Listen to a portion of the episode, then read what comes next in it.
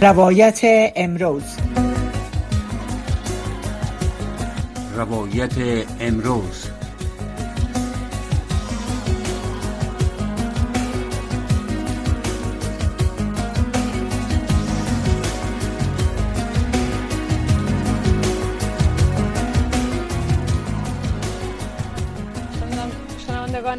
رادیو آشنا صدای امریکا. سلام و وقتتان بخیر. امیدوارستم در هر کجای که هستین صحت سلامت باشین لباس عافیت بر تن داشته باشین و از گزند روزگار در امان باشین.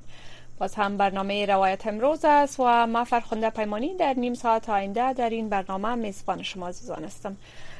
موضوع برنامه ما هم امروز در مورد روز جهانی مبارزه با کار کودکان صحبت می‌کنیم.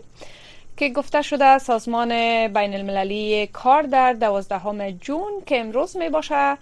روز جهانی مبارزه با کار کودکان میگه که 160 میلیون کودک در سراسر جهان مصروف کار هستند.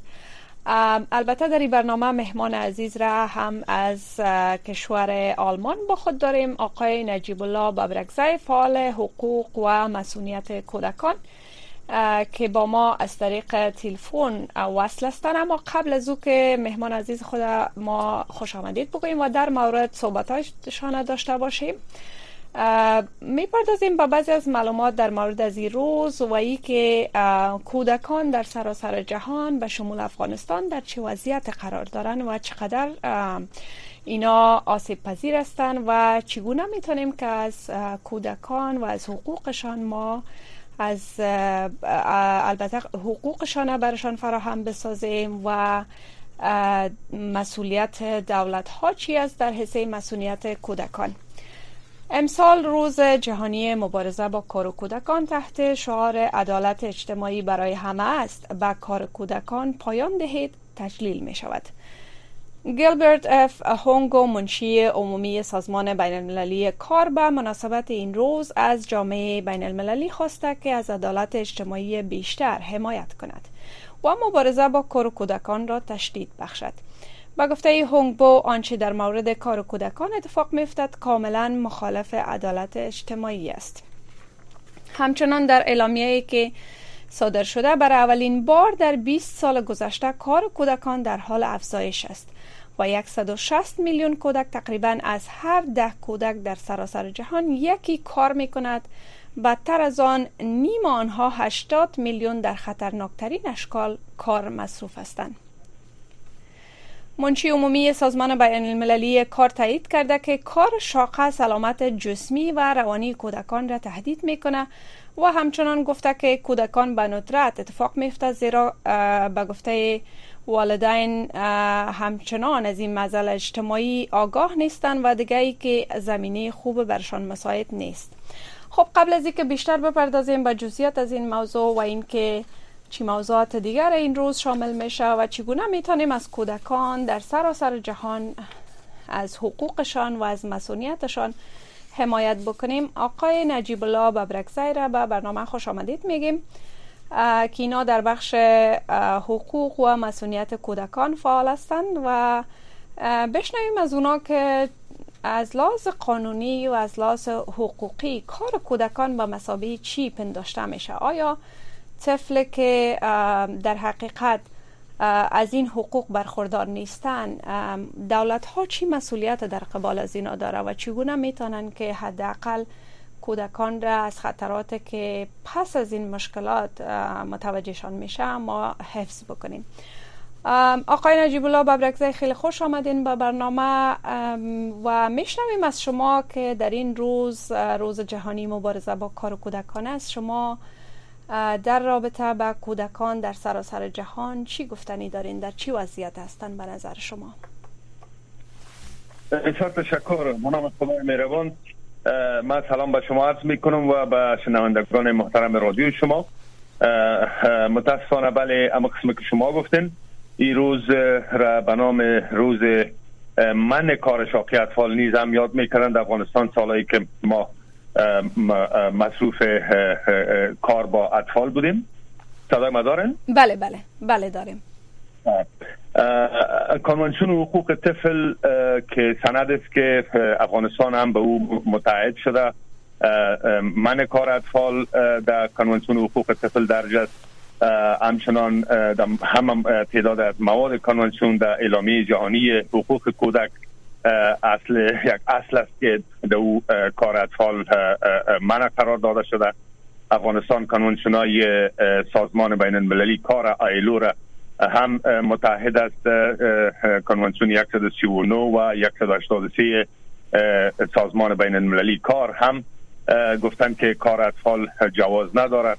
قانون اساسی که در افغانستان بود قانون اساسی هم گفته شده که کار اطفال کار بالای اطفال جواز ندارد. متاسفانه در افغانستان 23 یا 24 نوع گروپ آسیب پذیر اطفال که هر کدامش در جای خود نگرانی های خود داره و گروپ های بسیار به شدت آسیب پذیر هستند. یکی از این گروپ ها گروپ های گروپی است که اطفال کارگر است. چی در روی سرک هستند چی در مادن زغال سنگ هستند چی در مادن نمک هستند. اطفال که در workshop ها کار می‌کنن اطفال که در قالین بافیا کار می‌کنن تمام از اینا آسیب پذیر هستند. مطابق که شما گفتن قوانین ملی و بین المللی قانون حمایت اطفال خوشبختانه که در افغانستان بود برای اطفال. تعریف کار شاقه را بر اطفال تو میگن که هر نوع کاری که بر رشد فکری سلامت جسمی و روانی اطفال صدمه وارد کنه و اونا را به اصطلاح بر از اونا مشکل ایجاد شود زخمی شوند کوگار شوند. خدای ناخواسته بر از اونا معلولیت پیش شود این کار کار شاقه است و, و, همچنان دمی کار.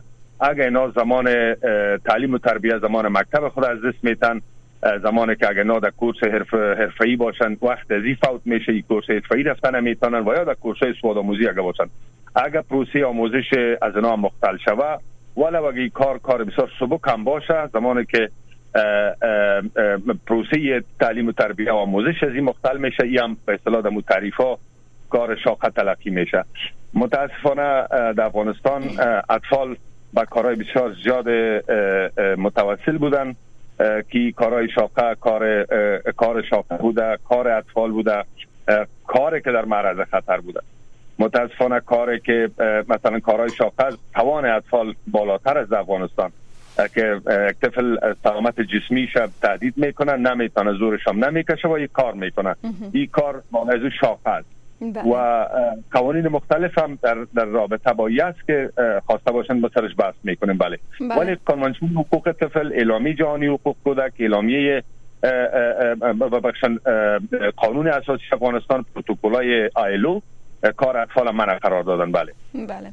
خب ارقام تازه گفته شده که از کودکان کارگر در افغانستان دقیقش در دسترس نیست اما بر اساس آمار سال 2022 سازمان حمایت از کودکان یا سیف د چلدرن یک میلیون کودک در سراسر افغانستان گفته که نانآور خانوادهایشان است. بر اساس از این گفته میشه که در حقیقت این سازمان میگه که 14 میلیون کودک در افغانستان به کمک های بشری نیاز دارند. و بیشتر کسایی که البته قربانیان و کودکانی که در جاده ها و در سرکا به کارهای شاقه می پردازن اینا به جز از همین راه چاره دیگری ندارن چون خانوادهایشان اینا را مجبور می که به جاده ها برن و مقدار ناچیز پول را که به دست میارن دوباره به فامیلایشان تسلیم بکنن تا بتانن که شب و روز خود بگذرانن. در اینجا میایم سر این موضوع صحبت می‌کنیم که مسئولیت دولت ها در حقیقت چی است و مخصوصا قبل از اینکه حاکمیت طالبان در افغانستان حکومت تغییر بکنه و طالبان حاکم شوند قبل از اینم می‌دیدیم که اطفال در افغانستان آسیب پذیرترین طبقه بودند که نه تنها از درس و تعلیم باز میمانند بلکه آیندهشان هم با یک سرنوشت نامعلوم مواجه است. در اینجا البته مسئولیت دولت ها چی است و شما چی فکر می‌کنین که دولت ها تا چی اندازه تانستن حداقل تلاش بکنن در این راستا که کار انجام بتن و از حقوق و مسئولیت اطفال حفاظت بکنن؟ بله خب افغانستان حال سوالی است که امی قوانینی که افغانستان به اون متحد شده آیا حاکمیت موجود در افغانستان را به رسمیت می‌شناسه نمی‌شناسه مثلا قانون اساسی است که در ماده قانون اساسی است که کار بالای اطفال جواز نداره کانونسیون های آیلو است کانونسیون حقوق طفل است کانونسیون اعلامی جهانی حقوق کودک است. از سال 1994 که 1373 اجری شمسی میشه تا به 2002 3 تمام از این سندار افغانستان متحد شده. در ماده کنوانسیون حقوق طفل یعنی دولت ها مکلف است که زمینه رشد و انکشاف و بقا و بهبود بر اطفال میسر بسازد. این از امو پرنسیپ های چهار کنوانسیون حقوق طفل است. یعنی از همه قدم دولت مسئولیت از داره که یک یک زندگی به اصطلاح مصون و و کار بکنن که بر رشد فکری و سلامت جنسی و رشد و انکشاف و پروسه تعلیم و تربیه صحت و امثال زیر برای دولت ببخشن برای اطفال فراهم بسازد حالا اگر این به رسمیت می‌شناسه خب در همه دنیا مکلفیت دولت است که برای برای اطفال اونا زمین سازی بکنن. در سالهای گذشته هم اما قسم که ارقام شما گفتن ارقام هم یعنی نهاد که بتانه به اصطلاح یک یک سروی درست انجام بده که معلوم بکنه که چی تعداد اطفال کار می‌کنه. متاسفانه نبود. تا آخرین وقت کم که حکومت گذشته بود در حدود وزارت کار امور اجتماعی در حدود 300 هزار طفل می‌گفتن که کار می‌کنه اول خب تعریف اطفال هم به اصطلاح در بعض موارد مشخص نبود که یه طفل 18 ساله است یا یه طفل مثلا دو ساله است. کار می‌کنن. ولی اطفال از در, در, در سن 7 سالگی و 6 سالگی هم دیده شده زمانی که ما در نهاد که ما کار می‌کردیم اطفال بسیار خردسال هم کار می‌کرد. یک تحقیقی که در سالهای گذشته انجام یافته بود که در او عوامل کار شاخه را به اطلاع بررسی کرده بودن با دو تحقیق چهار پیشنهاد داشتن. یکی بود که امی که واقعا کدام اطفال باید کار بکنن یا بسیار محتاج هستند بسیار از نگاه اقتصادی فقیر هستند اینا باید دولتی را تحت پوشش بگیره تشخیص بکنن. یک تعداد اطفال کارگر موسمی بودن که مثلا والدین هم داشتن ولی کار می‌کردن در زمستان در یک جای بودن و تابستان در جای دیگه بودن. انالی باید اول تشخیص شود که واقعا اینا محتاج هستند دول وظیفه دولت هاست که باید کاتگوری کنند. دوم مزید او تحقیق دیده شده بود که تمام اطفال که کار می‌کردن در حدود بیشتر از 90 درصدش یک والدین فوت کرده بود یا هر دو والدینشان فوت کرده بود. خود اینا نانآور خانه بودن تعداد پیشنهاد سومی بود که تعداد اطفال که کار می‌کنن والدینشان مامورین پایین رتبه دولت هستند که ماشان تکافو نمی‌کنن و چهارم هم قانون بود که باید قانون باشه که کیال اطفال استخدام کنه. انال سه اطفال که کار می‌کردن یک تعداد انال که مثلا زنا کار نمی‌کنه در افغانستان یا مثلا پروژه هایی که اشتغال زایی بکنن و با مردم کار بکنن اونا متاسفانه نیست یا رفتن. انال تمام می, وضعیت اقتصادی خانواده به دوش می اطفال بیچاره هستن. اینا هم مجبور هستن که نانآور خانه شما هم پیشتر تذکر دادن. وظیفه دولت ها اگر احترام می‌کنن برای کنوانسیون حقوق طفل و سند بین المللی که اونا امضا کردن مسئولیت اطفال فلا و بهبود اطفال از جمله وظیفه دولت هاست سابق هم یک انتقاد بود که وزارت کار و امور اجتماعی شهدا و معلولین که بازپسانا شهدا و معلولین شب یک وزارت دیگه جدا کردن. یعنی این به اصطلاح بگوییم که وظیفه بسیار سنگین بوده که یک وزارت در قبال اطفال داشت. مطابق که امی سایه که موجود است یا فیصدی درست یا کم و بیش ولی در, در حدود امی است که در, در افغانستان اگر, قرار باشد 40 میلیون نفوس باشد 57 اشار 3 فیصد از افراد زیر سن 18 سال است. در حدود 15 یا 16 میلیون طفل میشه. امیال شما گزارش هم دیدین در گزارش که زمانی که مثلا 14 میلیون به کمک های بشری نیاز داشته باشه شما فکر کنن که این منتظر کسی است که برش نان بره. و یا کمک کنه. اگر نکنه مجبور است خود از اونا به اصلاح کار کنند. اینا یک چراغ سرخ است برای مسئولین محترم که در, در افغانستان هستند که هرگاه این تعداد زیاد میشه زمانی که کار می‌کنن کار می‌تونید که کار مثلا در نزدیک خانهش باشه. کار در مزرعه است کار در فابریکه است کار در داشای خشتمالی است کار در قالین بافی است کار در ورکشاپ است. از از از برآمدن خانه یعنی از استیشن اول که یا مبراین در مسیر راه از یک جای دیگه هر قدر راه دور باشه اما قدر آسیب پذیری اطفال زیاد است. اما قدر خطرات به اطفال زیاد است. تا استیشن آخری که می‌رسه. مثلا در بعض ولایت ها از یک ولایت به ولایت دیگه میرن. حتی بیرون از کشور میرن. در سرحدات کار می‌کنن. این یک بار بسیار کلان است که مسئولین محترم باید به این توجه کنند. اما نهاد مشخصی که وزارت محترم کار امور اجتماعی است. یعنی یک یک یک یک چیز بکنه به اصطلاح یک تدابیر روی دست بگیره که بحران به طرف بحران میره یک چراغ سرخ بر از بله. بله.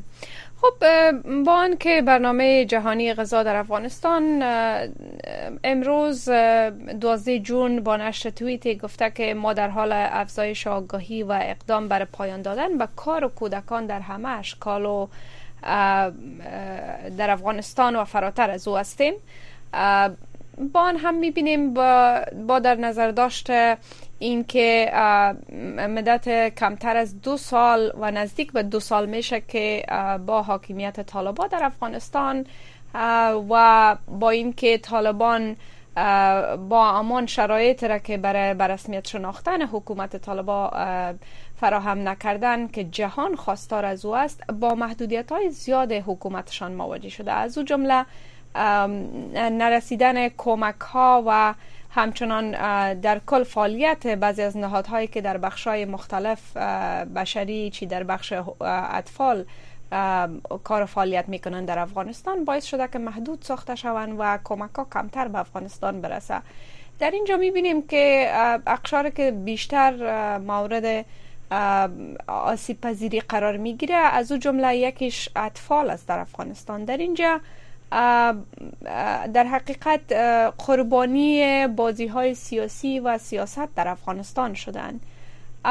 شما پیامد این گونه وضعیت را و ادامه این وضعیت را که هنوز هم معلوم نیست تا چه زمان این وضعیت ادامه پیدا بکنه برای آینده کودکان در افغانستان چگونه می‌بینین؟ تا چه زمان کودکان در افغانستان کار شاقه بکنن تا چه زمان کودکان درس و آموزش نبینن؟ و می‌بینیم که در آینده هم اگر بار بیاین همگیش سواد و در حالی که هیچ آگاهی از حقوق و مسئولیت خود نداشته باشند. شما چی فکر می‌کنین؟ چی پیامدهای بعد را می‌تونه که در آینده در قبال از این کودکا ببینیم؟ بله اعتراض که امی نقص حقوق بشری افراد در مجموع کلش می‌تونه آدم بگویه ولی مشخص امین یک حق که نقض میشه به اصطلاح او چندین حق دیگه هم به حساب از است که می‌تونه او چندین حق هم نقض شود. زمان که حق کار یک آدم سلب میشه مستقیم سر خانوادهش تاثیر می‌کنه اطفالش هم مجبور است که یعنی نان بگیره. وقتی که یک آدم کار کردن نتونه وقتی که یک آدم اشتغال زایی نداشته باشه وقتی که یک آدم مثلا تمام بوج خانه به عهده خودش باشه چندین حق از این طفل زایی میشه. عرض کنم خدمت شما که عوامل که زیاد می‌کنه کار اطفال باید روی از او فکر شود. امیال مثلا در افغانستان خدا نکنه هنوز هم هنوز در کاغذ است هنوز اجرایی نشده. ما امیدوار هستم که نشه. اگر مثلا این مکاتب که مؤسسات بین المللی اداره یونیسف در افغانستان تمویل می‌کنه در پولی این در چوکات وزارت معرف اگر این مکاتب مثلا بند میشه این اطفال که دیگه در حدود چند چند چند صد هزار 500 هزار است یا 5 میلیون است من ارقام دیروز در راپور خواندم. انال اگه این مکاتب بند میشه می اما قدر تعداد اطفال که متعلم از این مکاتب هستن تا که پس اینا در سیستم تعلیمی منظم یا از طریق وزارت معارف شامل میشن. بسیاری از به کار شاقه رجوع می‌کنه یعنی خود از این باعث میشه که حق تعلیم و تربیت سلب میشه. در اوجا با چند حق دیگه هم نقض میشه که اطفال باز صدمه می‌بینن. مرز کنم صاحب که دنیا هم امی اطفال افغانستان گروگان نگیره و مسئولین محترمه که مسئولیت کلان اطفال 15 یا 16 میلیون طفل که در افغانستان هست این مسئولیت اونا دارن. ولو که اگر اینا کمک های بشری قطع شوه ولو که اگر کمک های مالی قطع شوه اینا را مسائل سیاسی اینا را نمی‌خوایم روی از اونا بحث کنم. خود مسئولین امارت اسلامی مکلف هستند که اینا یک گزارش از وضعیت اطفال به کشورهای اسلامی میتن به سازمان کشورهای اسلامی میتن به سازمان ملل میتن به شورای امنیت میتن و با کمیته کنونسیون حقوق اطفال میتن. حداقل امیام خود نگرانی خود بگوین. تمام دنیا مثلا گزارش تهیه می‌کنن شاید گزارش از اونا را مسئولین یا رد کنن یا رد نکنن. ولی قابل نگرانی است هیچ امکان نداره. زمانی که در کشور پیش از از, از سقوط حکومت گذشته 23 نوع گروه آسیب پذیر وجود داشتن. اطفال معلول بودن اطفال کار شاقه می‌کردن اطفال یتیم بودن اطفال بی سرپرست بودن اطفال مربوط اقلیت ها بودن اطفال مهاجر عودت کننده بودن اطفال متخلف از قانون بودن. من نمی‌خوام کل از دوران نام بگیرم. 23 گروه آسیب پذیر که هنوز هم اضافه می شدن اینا مکلف هستند که یک گزارشی از وضعیت اطفال تمام نگرانی های خود بگوین برای برای سازمان ملل متحد که برادر اگر ما را در دست راستای دیگی که اگر حکومت ما را به رسمیت مشناسی نمی‌شناسی ولی کنوانسیون حقوق طفل یک اصل شمیه است که او جهانی است همه شمول است در کل دنیا است. یعنی تمام کشورها اخلاقا حق داره که برای برای فلاح و بهبود اطفال سراسر دنیا فکر بکنن. اول از کشور خود فکر بکنن و باز در مورد اطفال که معزل جهانی باشه سر از او فکر بکنن. اینال یک گزارشی که نگرانی خود دولت افغانستان بوده در رابطه با اطفال از این گروپ های آسیب پذیر مکلف است که یک گزارش جامع کوتاه مختصر با پیشنهاداتی که اطفال کمک کنن ولی او مستقیم با او رابطه داره. وقتی که اطفال نگرانی خود در رابطه با اطفال ابراز بکنن مستقیم میره مثلا به والدین ازنا به کار ازنا به, به کمک های بشری هم نمیشه. پیشتر خدمت شما عرض کردم که وظیفه مکلفیت نه سازمان خیره است نه سازمان جهانی است. اول مسئولیت از حکومت افغانستان است. ولی یک نگرانی خود خب یا بودجه نداشته باشن و یا مشکلات دیگه باشن و یا مصروف بازسازی و بعض کارهای دیگه باشن مشخص اونا با وزارت کار و اجتماعی مسئولیت انمی 15 یا 16 میلیون طفل که است اینا باید بر از اینا بودجه تخصیص کنن برنامه بسیار کاری بسازن پلان بسازن action plan داشته باشن. چی باید بکنه با این گروه آسیب پذیر؟ با 23 یا 24 نوع گروه آسیب پذیر عرض کنم صاحب که اگر عوامل مثلا والدینش بیکار شد اطفال میره به کار شاقه از مکتب خود طفل بند میال دخترها زیاد کار می‌کنن مثلا دخترای خود سالت شما در سرحدات تورخم زرنج اسلام خلب او طرف سرحد و این طرف سرحد تمام کارهای گرنگ بار یک آدم با کراچی دستی اموال یک آدم انتقال بده کل زن از, از تفلاس هفته گذشته از, از طریق رسانه شنیدیم که از ترخم یک طفل زیر موتر لاری شده که آسیب پذیری از زیاد است. مسئولیت داخلی که حکومت افغانستان دارد. تمام مراکزی که قالین بافی است مراکزی که خشتمالی است مراکزی که ورکشاپ است بر از حقوق اطفال بر از امو آسیب پذیری اطفال به این مسئولین بگوین که کیا می‌تونه اطفال استخدام کنن؟ یک آدم در بازار میره مثلا تعمیر می‌سازه 20 نفر کارگر در موتر خود بالا می‌کنه. سنش از 20 ساله بالا تا 40 ساله گلکار و نجار به اصطلاح عام برای شما بگم. ولی در این موتر یک طفل 15 ساله و 12 ساله میشنه 8 ساعت یا 10 ساعت سر از آدم هم خشت بالا می‌کنه سر از طفل یک مرجعی نیست که برای بگو برادر او انجینر امی امی طفل شما استخدام کردن نمی‌تونن. برای اینکه قانون وجود نداره. ولی قانون است ولی تطبیق نمیشه. این. عوامل هست که اگر اما قسم که نگرانی در شما گفتن در راپور اگر فرضی فکر نشه این کار اطفال خطراتش بسیار زیاد است. از یک ولایت به دیگه ولایت میرن از یک محل به دیگه محل میرن قاچاق میشن استفاده جنسی از اینا صورت می‌گیرن زخمی میشن باعث معلولیت و معیوبیت از اونا میشه. کارهای شاقه و کارهایی که در معرض خطر است. کسی نیست کمیال اگر مثلا ما بر شما بگم که یک طفل که ده ساعت قالین میبافه یک کس اونا را نظارت کرده باشه که شما چون می‌تونن که ده ساعت با یک طفل قالین بافی کنن؟ و یا در داشای خشمالی بله. بله. خب در حال حاضر یونیسف در همکاری با 15 سازمان غیر حکومتی افغان و 12 سازمان بین المللی 21 هزار صنف آموزشی محلی را از طریق برنامه آموزش مبتنی بر جامعه در دور افتاده ترین و فقیرترین مناطق افغانستان برشان فراهم ساخته و تمویل می‌کنه.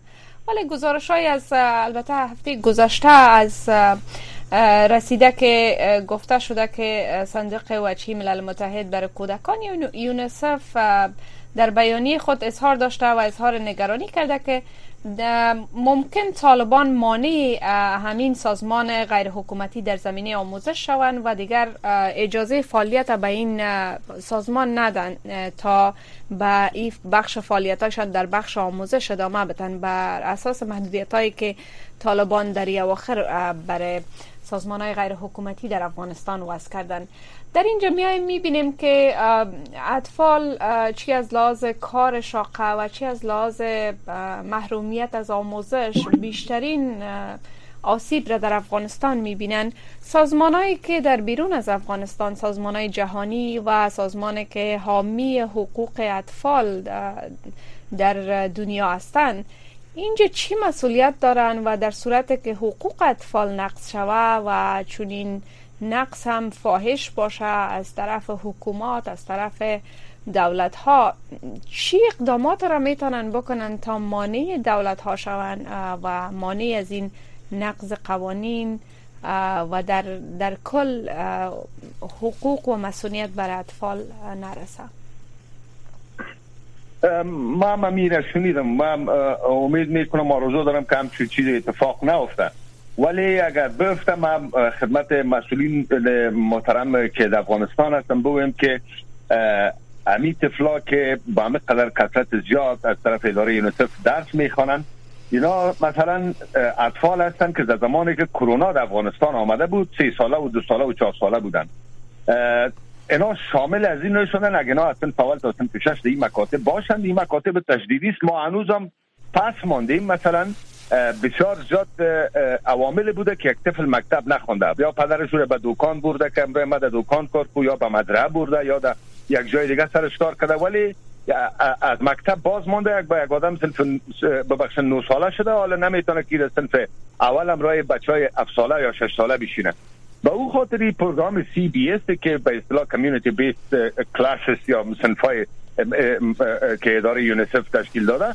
اینا باعث باعث یک یک یک شاگرد منظم بعد از چهار صنف در یک سال یا یک نیم سال می‌خوانند که منظم به اصطلاح امو به اصطلاح انگلیسیش همو catch up education که برن پس به صنف پنج منظم در مکتب بشینن این پروگرام بسیار پروگرام حیاتی برای برای اطفال بوده. این حال در افغانستان اطفال دو سال کرونا را قرنطین بودن چندان درس نخوندن برنامه نو ماهی سال تعلیمی را سه, سه ماه خواندن. بعد از او باز قرنطین شد باز کرونا شد. در یک سال دو سال باز مثلا حکومت ها تغییر کرد. هنوز هم اطفال زایات زیاد دیده. اثرات بد از خدا نکنه که شوه یعنی به شمار اطفال کارگر در افغانستان زیاد میشه. خاصتا دخترها که مسئولین محترم میرن متوجه باشن. اما قدر استادایی که ماش می‌گیرن امران معیشت می‌کنن این استادا بیکار میشه. سوی تعلیمی هم قبلا هم پایین بوده. سوی تعلیمی دیگه هم پایین میشه تا که پس منظم به اصطلاح اینا شامل باز یک یک پروسه آمیزشی شود. یعنی مشکلات روانی برای اطفال پیدا میشن دپریشن برایشان پیدا میشن. هر طفل حق داره که مثلا به اجتماع بره رشد کنه انکشاف کنه. با خصوص نگرانی زیادی است که ازدواج های زیر سن زیاد میشه ازدواج های اجباری زیاد میشه. و شما می‌فهمین بسیاری از این مؤسسات امی چتر که کلاتر که شما گفتین در موارد مواد خوراکی با خانواده و اطفال اینا کمک می‌کردن که اینیا ختم میشه. در رابطه با مثلا کار شاکه و پاچاق و استفاده سوی اطفال این همه نگرانی است که چراغای سرخ هست که اگر خدا نکنه اگر این شود این خطرات بله. باز به اطفال متوجه است دنیا می‌کنه که مثلا با وزارت معارف بیشنن که بگن خیلی شما برای ازنا یک لاهیه بسازن برای که این کتاب ها و این سیستم تعلیمی در چوکات وزارت بله. محترم معارف افغانستان است یک جان تشکر یک لاهیه که بتانن نزدیک نظارت کنن روی از اینی کار کنن نه روی از که مثلا شما کار نکنن تمام معلمین از افغان است برنامه شامل بله. پروگرام وزارت معارف بوده. اینا می‌تونن دنیا و نهادهای مدافع حقوق اطفال که امروز اینا گپ بزنن این برنامه کلا یک برنامه افغانی است بله. و حق طفل حق آموزش یکی از حقوق اساسی اطفال است بله. یک جان تشکر. آقای نجیب الله ببرگزی فعال حقوق و مسئولیت کودکان. که از آلمان با ما بودن. یک جان سپاس از تحلیلتان در موضوع از معلوماتی که دادین برنامه در اینجا